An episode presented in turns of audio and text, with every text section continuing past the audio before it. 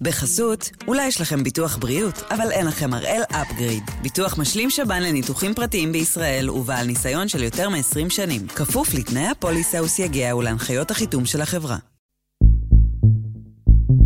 היום יום שלישי, 18 ביולי, ואנחנו אחד ביום, מבית N12.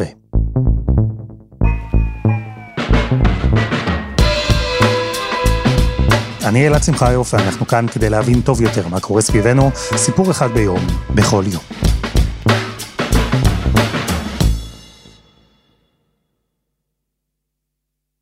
סביב המהפכה המשפטית נולדו כבר לא מעט מחאות. יש את המפגינים ברחובות, יש את ימי השיבוש או ימי ההתנגדות, יש את המחאה של התומכים, שקוראים להעביר את החוקים באופן מלא ועכשיו, יש את מכתב הכלכלנים נגד המהפכה. יש את מחאת הרופאים, ההייטקיסטים, אפילו איגוד מורי ומורות היוגה הצטרף למחאה. אבל יש בין כל אלה מחאה אחת שהפכה כנראה לאפקטיבית ומדוברת יותר מאחרות, בטח באופן יחסי לכמות האנשים שמשתתפים בה. זו מחאה שהובילה כבר לדיונים סוערים על המצב הביטחוני של ישראל, על המבנה החברתי של הצבא ושל המדינה, על פריבילגים, על פטריוטים, על אשכנזים, על מזרחים, על ימנים ושמאלנים. מה שתרצו, יש שם הכל, וכל זה סביב בסך הכל כמה מאות אנשים. אז הפעם אנחנו עושים כאן משהו מעט אחר, ואני יודע, חלקכם תזדהו ותסכימו, חלקכם תתעצבנו ותכעסו. אבל זה ממש בסדר, כי כמו שאמר המשורר, אנחנו כאן כדי להבין טוב יותר מה קורה סביבנו. אז הפעם אנחנו מבינים טוב יותר את מחאת אנשי המילואים של חיל האוויר, שידועה יותר בכינוי מחאת הטייסים.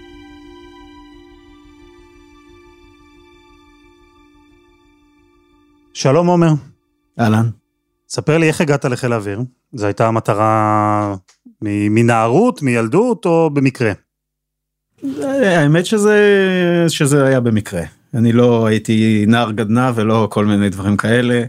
פשוט קיבלתי זימון לקורס טיס אחרי צו ראשון בלשכת הגיוס, ומשם התגלגלה הדרך. מרגע שהתחלתי את תהליך המיון אה, רציתי אה, להצליח. רציתי להצליח וזה וזה הצליח. בספר סיום של המחזור היה עליי ציירו אותי כטייס אה, אז אמרו נכון לצורך העניין. יש כל מיני תארים רלוונטיים לסגן אלוף במילואים עומר דנק, הוא כמו שכבר הבנתם קצין מילואים, הוא נווט קרב בחיל האוויר, שירת בטייסת פנטום, אחר כך בטייסת העמק הוותיקה, הוא הפסיק לטוס לפני שנה וחצי, אבל עדיין עושה מילואים, הפעם בתפקיד מסווג. יש לו תואר שני ביחסים בינלאומיים, והמחקר שלו, הוא גם כותב בנושא ספר, הוא על קריסתן של דמוקרטיות בעת הנוכחית. יש לו דעה מאוד ברורה, הוא חלק מהמחאה, ודעתו היא שלו. יש דעות אחרות. הפוכות כמובן, אבל גם בתוך המחנה שלו, המתנגדים לחקיקה, יש דעות שונות. אז עומר הוא חלק מהמחאה, אבל הוא גם מסתכל עליה אחרת, מהצד, במבט של חוקר. טיסה זה אתגר ותחרות תמידית אינסופית על רמת הטיסה שלך מהיום שבו אתה מתייצב בטייסת אה, עד היום שבו אתה מסיים לטוס. זאת אומרת, אה, אני סיימתי לטוס לפני שנה וחצי בגיל 51 בדיוק, זה הגיל שבו מסיימים לטוס. מבחינתי עד היום האחרון הייתי צריך להיות הכי טוב שאני יכול. יש לזה הרבה מאוד סיבות, אחת מהן זה שאנחנו מערכת שכל הזמן חותכת מלמטה. אז כל הזמן אתה נמצא בתחרות ולכן אה, כל הזמן יכולים, כאילו, נכון שזה אתה לא חי כמו בקורס טיס שאתה חושב שכל רגע הולכים להדיח אותך, אבל uh, אתה נמצא בסביבה הכי תחרותית שיש אה, באיזשהו מקצוע צה"לי, בעצם אין בשום מקצוע, כמעט בשום מקצוע צה"לי אין, אין תחרות אישית כמו שיש אה, לאנשי צוות אוויר, במיוחד במערך הקרב, ולכן אה, המיוחד ב, בעולם של טייסת זה באמת באמת באמת זה שאתה נמדד על רמתך כל הזמן. מה זה אומר להיות איש מילואים בחיל האוויר, בטייסת? טייסת זה המשפחה השנייה שלך. כשאתה טייס בטייסת בית מילואים, רק המשפחה הפרטית, כאילו, האישה והילדים, הם קודמים לטייסת. אם יתקשרו אליך ביום שישי בערב אה, להגיד שירדה כוננות לטייסת וצריכים שתבוא, אתה בדרך כלל תבוא. מארוחת ערב. זאת אומרת, הטייסת נמצאת אה, בתוך המשפחה גם של איש המילואים. אנשי המילואים הם סדירים לכל דבר, אנחנו לא כוח עתודה. אנחנו הכוח הסדיר של הטייסת, אנחנו עושים פעילות מבצעית בטופ של המורכבות שלה ומובילים את הפעילויות האלה. הרעיון הוא שאנשי מילואים הם סדירים לחלוטין מבחינת הזמינות שלהם ומבחינת ההגעה שלהם לכל פעילות. אני לא חושב שזה מתקיים ב... בכל מקצוע צבאי אחר. רופא שמגיע לצבא הוא כמובן איש מקצוע בצבא, אבל הוא עובד בתפקידו כרופא. אנחנו מנהלים קריירה אזרחית אה, אחת ומנהלים קריירה מלאה לחלוטין בעולם הטיסה. במהלך שנותיך כאיש אה, אה, קבע, כאיש מילואים, יצא לך להיות עד לסיטואציה שבה מישהו, קבוצה מסוימת בתוך חיל האוויר, מדברים על מה שקורה במדינה. עברת בכל זאת בשנים האלה לא מעט מלחמות והתנתקות ופיגועים ו- ומחלוקות ומשברים פוליטיים.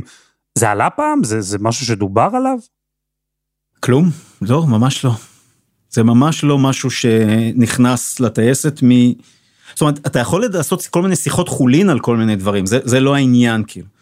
כאילו, אני, אני לא זוכר משהו שמכניס דברים כאלה לעומק, אפילו בהתנתקות זה נכנס במידה מסוימת, ומכיוון שחלק מהאנשים עזרו גם בלפנות אה, יישובים, אז אה, אה, הייתה לזה סוג של השפעה.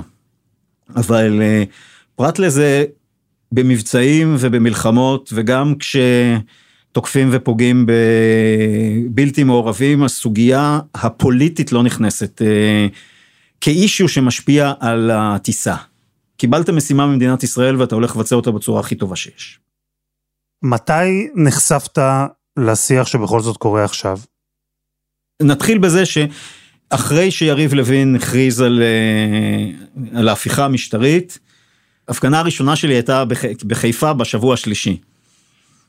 אה, ואני חושב שאיפשהו אחרי בין שלושה לארבעה שבועות, היה לי ברור שהאירוע הזה הולך אה, להשפיע על חיל האוויר, והתחלתי לשאול ביני לבין עצמי איך אני מעביר מסר לאנשים בכירים בחיל שכדאי שידברו על הסוגיה הזאת בתוך החיל כי היא הולכת להתפוצץ אה, בגדול.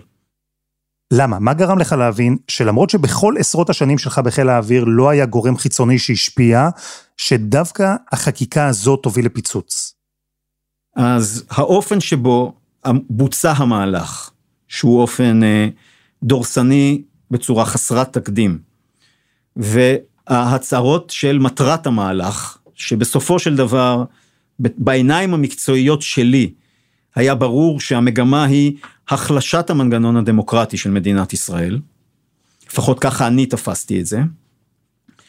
וגם ראיתי את uh, עוצמת המחאה שהולכת ועולה והיא מחאה אזרחית uh, ספונטנית, היא לא ממומנת על ידי uh, גורמים פוליטיים זרים, בשונה ממה שמנסים להדביק לה. והאמת שהדבר האחרון שהפיל לי את האסימון זה שראיתי שאשתי, שהיא חיה uh, לחלוטין לא פוליטית, ראיתי שהיא מצטרפת uh, למחאה, ולכן היה לי ברור שהדבר הזה הולך להשפיע בבתים בצורה עמוקה, ואם משהו משפיע בבתים בצורה כל כך גדולה כמו שאני זיהיתי שזה משפיע לפחות עלינו, אז הערכתי שזה ישפיע גם על האופן שבו טייסים מגיעים לטייסת, היכולת קשב שלהם, וזה יביא אותם להתחיל לשאול שאלות. והשאלות הגיעו. זה קרה מיד עם הצגת תוכנית החקיקה? כלומר, קח אותי אל תוך הדיונים של המילואימניקים בחיל האוויר, שמעת מחברים שלך גם את התחושות שלהם בזמן אמת. איך המחאה התפתחה? אתה לאט לאט מבין אה, מה כוונת המשורר. אתה אחר כך מתחיל להקל איך זה הולך להשפיע, להשפיע עליך והאם זה מתחיל להשפיע עליך. ואז אתה מתחיל לשאול את השאלה, אוקיי, אם ככה, אז מה, זה, מה המשמעות לגביי? האם אני יכול להמשיך אה, לטוס כשזה יקרה, כל הדברים האלה? ואז אתה מתחיל לשאול את עצמך, אוקיי, אני לבד, או שיש איתי עוד אנשים שזה מאוד מאוד מטריד אותם וקשה להם לבוא לטייסת, ואתה מחפש עוד אנשים לדבר איתם. קודם כל, מה שחשוב לי להגיד, שהאירוע הזה באופן עקרוני התפתח מלמטה. זה לא אירוע שנוהל אוקיי, הייתה פה אה, חבילה פוליטית אה, של הממשלה, לא התארגן איזה בן אדם פוליטי בתוך חיל האוויר ואמר אני אלך אה, לעשות מחאה דרך טייסי חיל האוויר, אני אפנה אליהם ואני, ינהל, ואני ארכז אה, מאמץ דרכם ואני אשפיע עליהם פוליטית.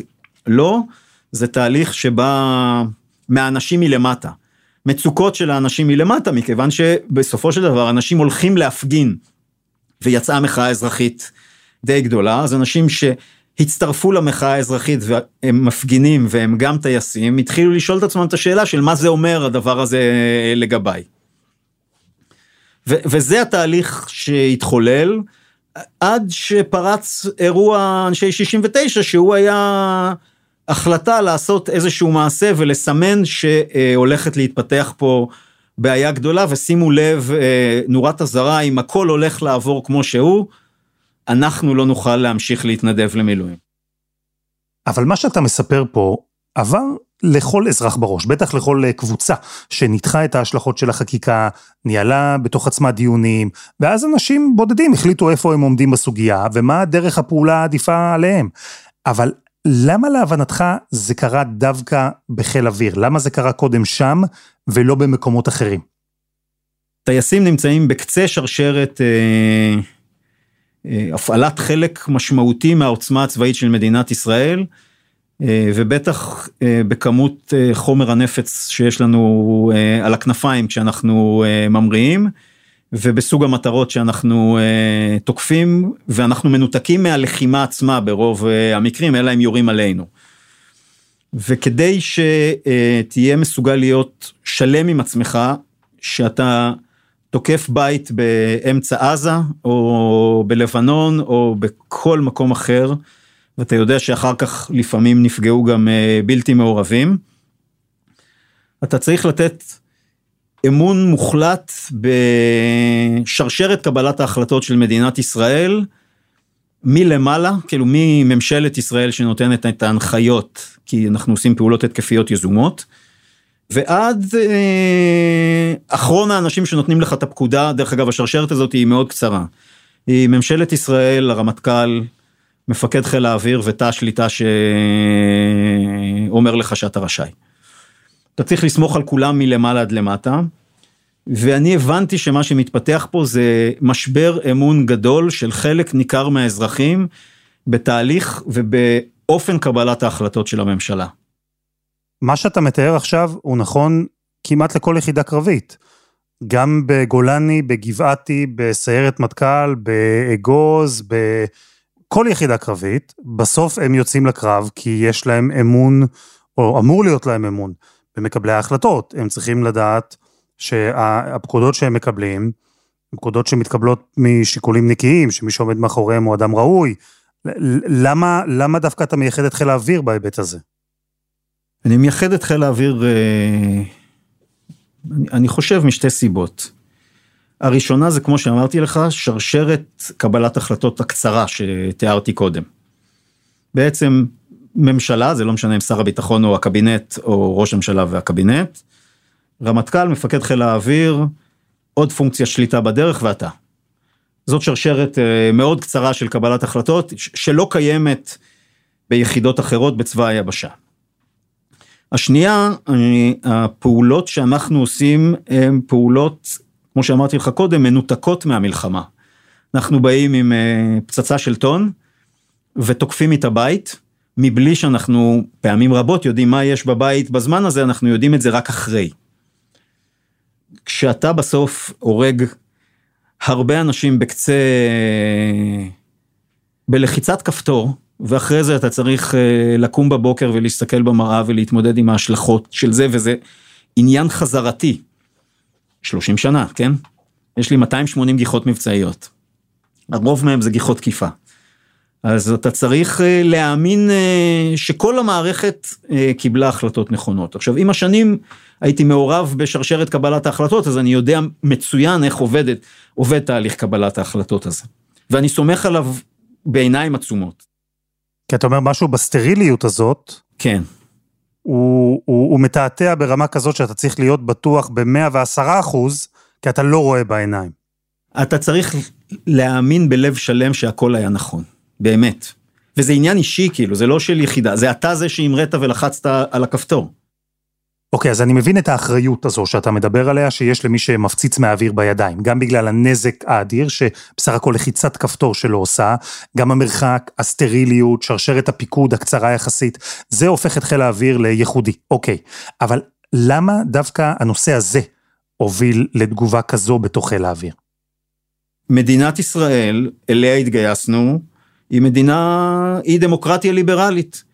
אה, רוח צה"ל אה, מדברת על כך שחוק, שישראל היא דמוקרטיה שמעריכה את אה, כבוד האדם ואת פעולותיו החוקיות של המשטר, של השלטון. וכשזה לא מטרת המהלך החוקתי, לפחות לתפיסת עולמך, אז אנחנו נשבענו להגן על הדמוקרטיה הליברלית. בדמוקרטיה ליברלית העם הוא הריבון, בדיקטטורה השלטון הוא הריבון. והסוגיה השלישית, ואני לא חושב שהיא הסוגיה הכי חשובה, אבל יש לה איזשהו משקל, מדינת ישראל משקיעה מאמצים ואנרגיה אדירים כדי להוכיח שמערכת אכיפת החוק שלה ומערכת המשפט שלה הן עצמאיות. ו... רוב המשפטנים החוקתיים של, של, של דיני המלחמה ושל הדין הבינלאומי שאני שוחחתי איתם, אומרים בצורה חד משמעית שהמהלכים הנוכחיים של הממשלה עשויים להסיר את ההגנות האלה על אה, חיילי וקציני צה"ל, אגב גם על אה, שרים ו, וראש הממשלה. אבל עומר, תשמע, ראינו בהיסטוריה, גם בשנים שאתה בחיל, ראינו הרבה אירועים, אירועים שליליים, גדולים, קטנים, ראינו פיגועים, מלחמות, בחירות, משברים פוליטיים, ראינו את ההתנתקות, ראינו ויכוחים בין דתיים לחילוניים, ויכוחים מדיניים. למה דווקא המהפכה המשפטית, החקיקה, אתה קראת לזה הפיכה, למה דווקא זה הוביל לפיצוץ? אז נתחיל בזה שבוא לפחות נמסגר את אה, מערכת המושגים, אין, אין ספק, לי אין ספק, עזוב אם קוראים לזה רפורמה או הפיכה או כל דבר אחר, אין ספק שמהלכי החקיקה הנוכחיים, לפחות נודה, הם עיסוק במערכת החוקתית של מדינת ישראל ולא בענייני מדיניות. כאילו, ההתנתקות היא פעולה מדינתית, מבצע בעזה הוא פעולה מדינתית, התנחלויות ביהודה ושומרון הם פעולה מדינית, תקציב זאת פעולה מדינית. העיסוק הנוכחי הוא עיסוק אה, במערכת החוקתית של מדינת ישראל. במבנה המשטר, באיזונים ובבלמים שיש על הממשלה בקבלת ההחלטות שלה, באופן שבו מתקבלות החלטות בתחומים הכי רגישים ובבקרות שיש על קבלת ההחלטות. רגע, אבל שנייה, אני, אני בכל זאת רוצה להקשות עליך. לפני שנתיים בערך, כמדומני, שלוש, mm-hmm. אה, הוחלט ברגע שבמדינת ישראל יהיו שני ראשי ממשלה, ולא ראש ממשלה אחד. נכון. גם פה השתנה המשטר. אתה צודק. אז, אז למה שם לא ופה כן? אז אני באופן אישי חשבתי שזה אסון לשנות ככה את המשטר בצורה רטרוספקטיבית אחרי הבחירות, אבל השינוי ההוא לא הביא לנסיגה דמוקרטית של ישראל כמו השינוי הזה. השינוי הזה מביא לפחות לתפיסתי, במקרה הזה נוח לי מאוד לדבר על זה כי זה תחום המחקר שלי, אז השינוי הזה בוודאות מביא לנסיגה דמוקרטית של ישראל, בדיוק כמו שקרה בהונגריה, פולין, ונצואלה, אקוודור, בוליביה, סרביה, אה, אפילו בזמביה ואפילו בתוניסיה ואפילו ברפובליקה הדמוניקנית וככה היה בטורקיה ורוסיה. ואני חושב שאפשר לראות את אותם דפוסים באירוע הנוכחי. ולא רק אני חושב את זה, עובדה שחשבו את זה בצורה ספונטנית עוד כמה אנשים. עכשיו, מה, מה אני לא יכול להכחיש? אני לא יכול להכחיש שכל החלטת מדיניות שהיא יכולה להביא להפסקת ההתנדבות של אנשים אה, לשירות מילואים. אם תהיה החלטה מחר בבוקר של ממשלת שמאל ברוב 61 לסגת מיהודה ושומרון, אני חושב שאין ספק שנראה הפרת, כאילו, סרבנות, בשונה ממה שיש פה, בהיקף רחב מאוד. אם ישראל תבטל את אה, הרבנות הראשית ואת יום השבת כיום אה, שבתון לאומי ברוב של 61, אני חושב שנראה מחאה אדירה ברחובות, עד כדי, אה, אם לא יהיה כשרות בצה"ל, אני חושב שלא יגיעו אנשים דתיים להתגייס לצה"ל. אז בוא נודה על האמת, שיש עוד דברים שאפילו שהם ענייני מדיניות, אי אפשר לקבל אותם אה, ברוב זעום ולא בהסכמה רחבה עם איזונים. במקרה הנוכחי, אנחנו אפילו לא עוסקים על סוגיית מדיניות. אנחנו ממש ממש עוסקים בלב השיטה המשטרית של מדינת ישראל ובחוקה שלה.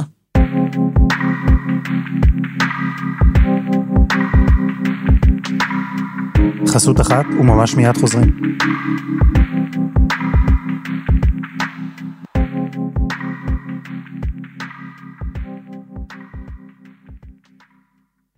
בחסות, אולי יש לכם ביטוח בריאות, אבל אין לכם הראל אפגריד. ביטוח משלים שב"ן לניתוחים פרטיים בישראל ובעל ניסיון של יותר מ-20 שנים. כפוף לתנאי הפוליסה וסייגיה ולהנחיות החיתום של החברה. אתה באופן אישי קיבלת החלטה מה אתה עושה? אני באופן אישי קיבלתי החלטה מה אני עושה. אני לא אפסיק את השירות מילואים שלי מחר, או השבוע. אבל, אבל יש לי קו אדום מסומן ברור אה, של מהו, הוא לא רחוק מעבר, הוא קיים, והוא, וזה נובע מסיבות אחרות ממה שהיו לו הייתי היום אה, נווט פעיל במילואים. כלומר, אם היית היום נווט, אז הקו האדום שלך היה כבר מאחורינו בעצם? אם הייתי היום נווט, אני חושב, זה חוכמת, זה חוכמת העומד מהצד, היא תמיד יותר קלה, כן? אם הייתי היום נווט, אני חושב שהעברת הנוסח שאושר היום לעילת האי סבירות בקריאה שלישית היא מבחינתי הקו האדום. ברמה האישית, מה זה מבחינתך לא להתייצב למילואים? מה זה אומר? זה קרע עמוק בזהות שלי. המשקולת של הגדולה הזאת של האחריות, אני יושבת עליי. ולכן אה, זה בשבילי שירות המילואים ולהפסיק לעשות מילואים זה משבר זהות מאוד עמוק. במיוחד דרך אגב שיש לי ילדים, יש לי בן בצבא ובת שאמורה להתגייס בשנה הבאה. אז בסוף זה גם חלק מהדיאלוג איתם כי הם חיילים בסדיר והם עדיין אה, הולכים לשרת. אז אה, אני, אני לא יכול כאילו אה, חוץ מלהגיד שזה באמת משהו כל כך קשה שאני לא יודע לבטא אותו במילים יותר uh, מזה, uh, קשה לי להסביר את זה uh, בעוד דרכים. לא בטוח שיש לי מילים טובות. וכמה אנשים חושבים כמוך, שאנחנו מתקרבים לאיזה קו אדום, ואחריו לא ימשיכו להתנדב למילואים? אני לא ישנתי בלילה ממה שאני חושב בעניין הזה. של כמה אנשים חושבים כמוך, אתה מתכוון? כן. אני לא יודע אם זה תהיה התוצאה הסופית, כי בסוף צריך לחתום, אבל uh, אני לא ישנתי בלילה היום. תסביר, מה המשמעות המעשית שיש במסה גדולה של מילואימניקים שיודיעו שהם לא יתייצבו לשירות בחיל האוויר? הסוגיה היא שאנשים בהתחלה הם זמינים, כי אם תהיה מלחמה אף אחד לא יגיד, לא, אף, אף אחד לא, לא יבוא למלחמה, זה עניין לא רציונלי.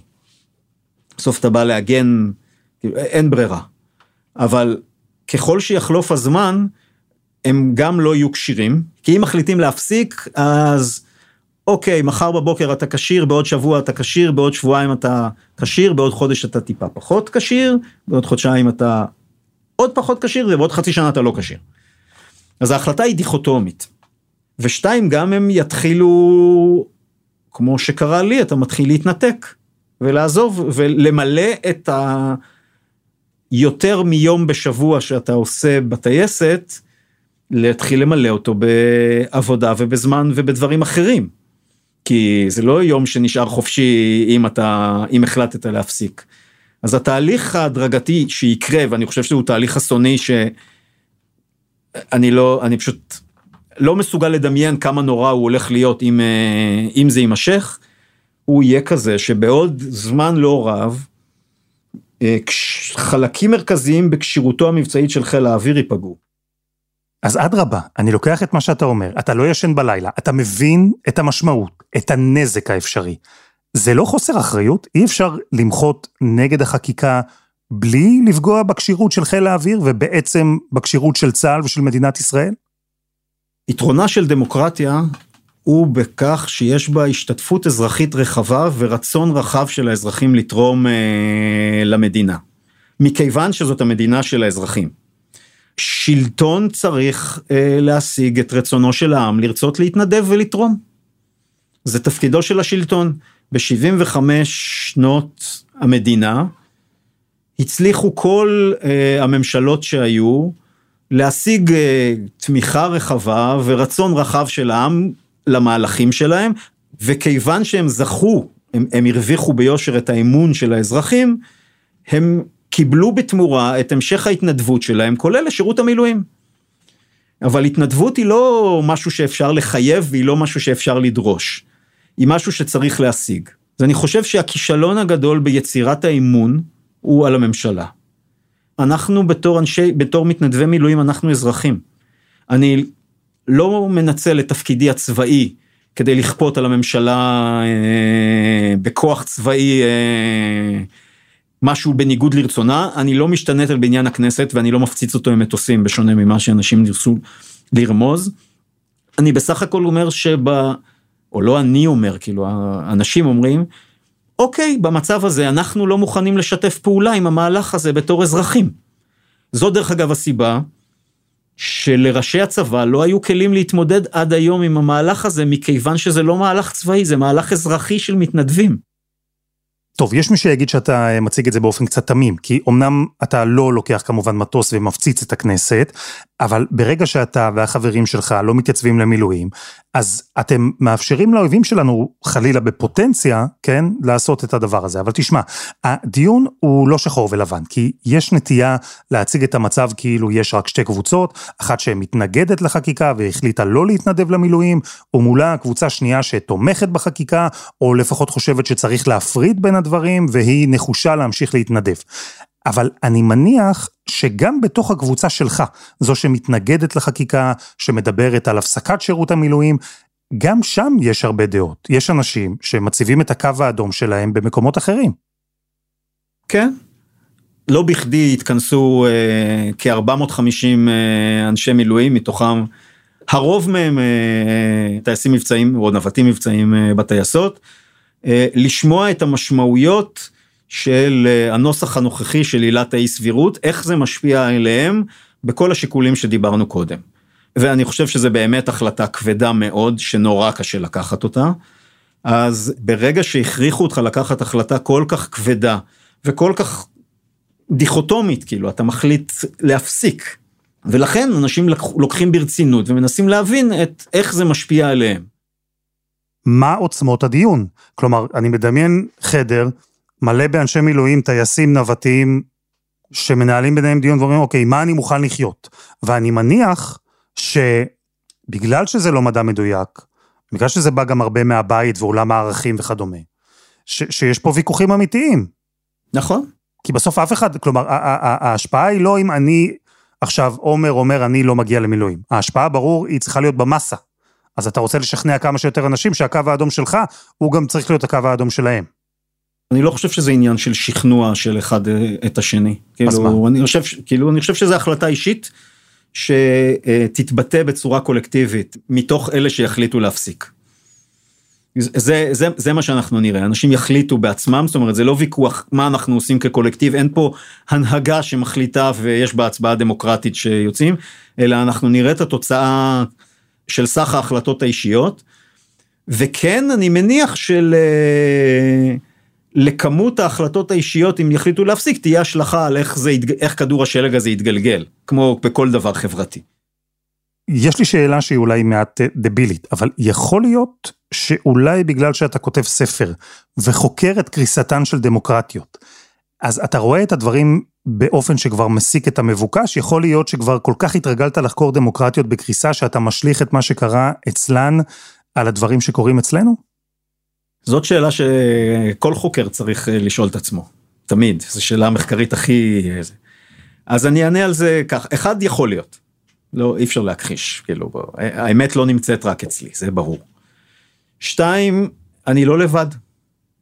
כמעט רוב גורף של מדעני המדינה, כמעט רוב גורף של המשפטנים החוקתיים בארץ ובעולם, רוב מוחלט של הכלכלנים, או בקיצור, רוב אנשי המקצוע, ואני הרי לא, אין לי תואר דוקטור, אבל רוב אנשי המקצוע בתחום מזהים את המצב כמוני.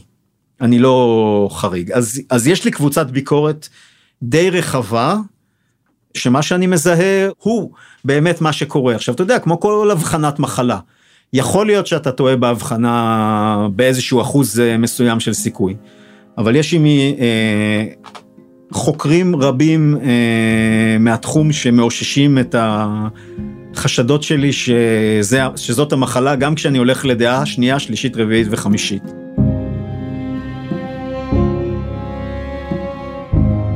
סגן אלוף במילואים עומר דנק, אפשר להסכים איתך, אפשר שלא, אבל היה מאוד מעניין, לי לפחות. תודה רבה. תודה רבה. וזה היה אחד ביום של N12, אנחנו uh, מחכים לכם בקבוצה שלנו בפייסבוק, חפשו אחד ביום, הפודקאסט היומי. העורך שלנו הוא רום אטיק, תחקיר והפקה, עדי חצרוני, דני נודלמן, רוני ארניב ושירה הראל. על הסאונד יאיר בשן, שגם יצר את מוזיקת הפתיחה שלנו, ואני אלעד שמחיוף, אנחנו נהיה כאן גם מחר.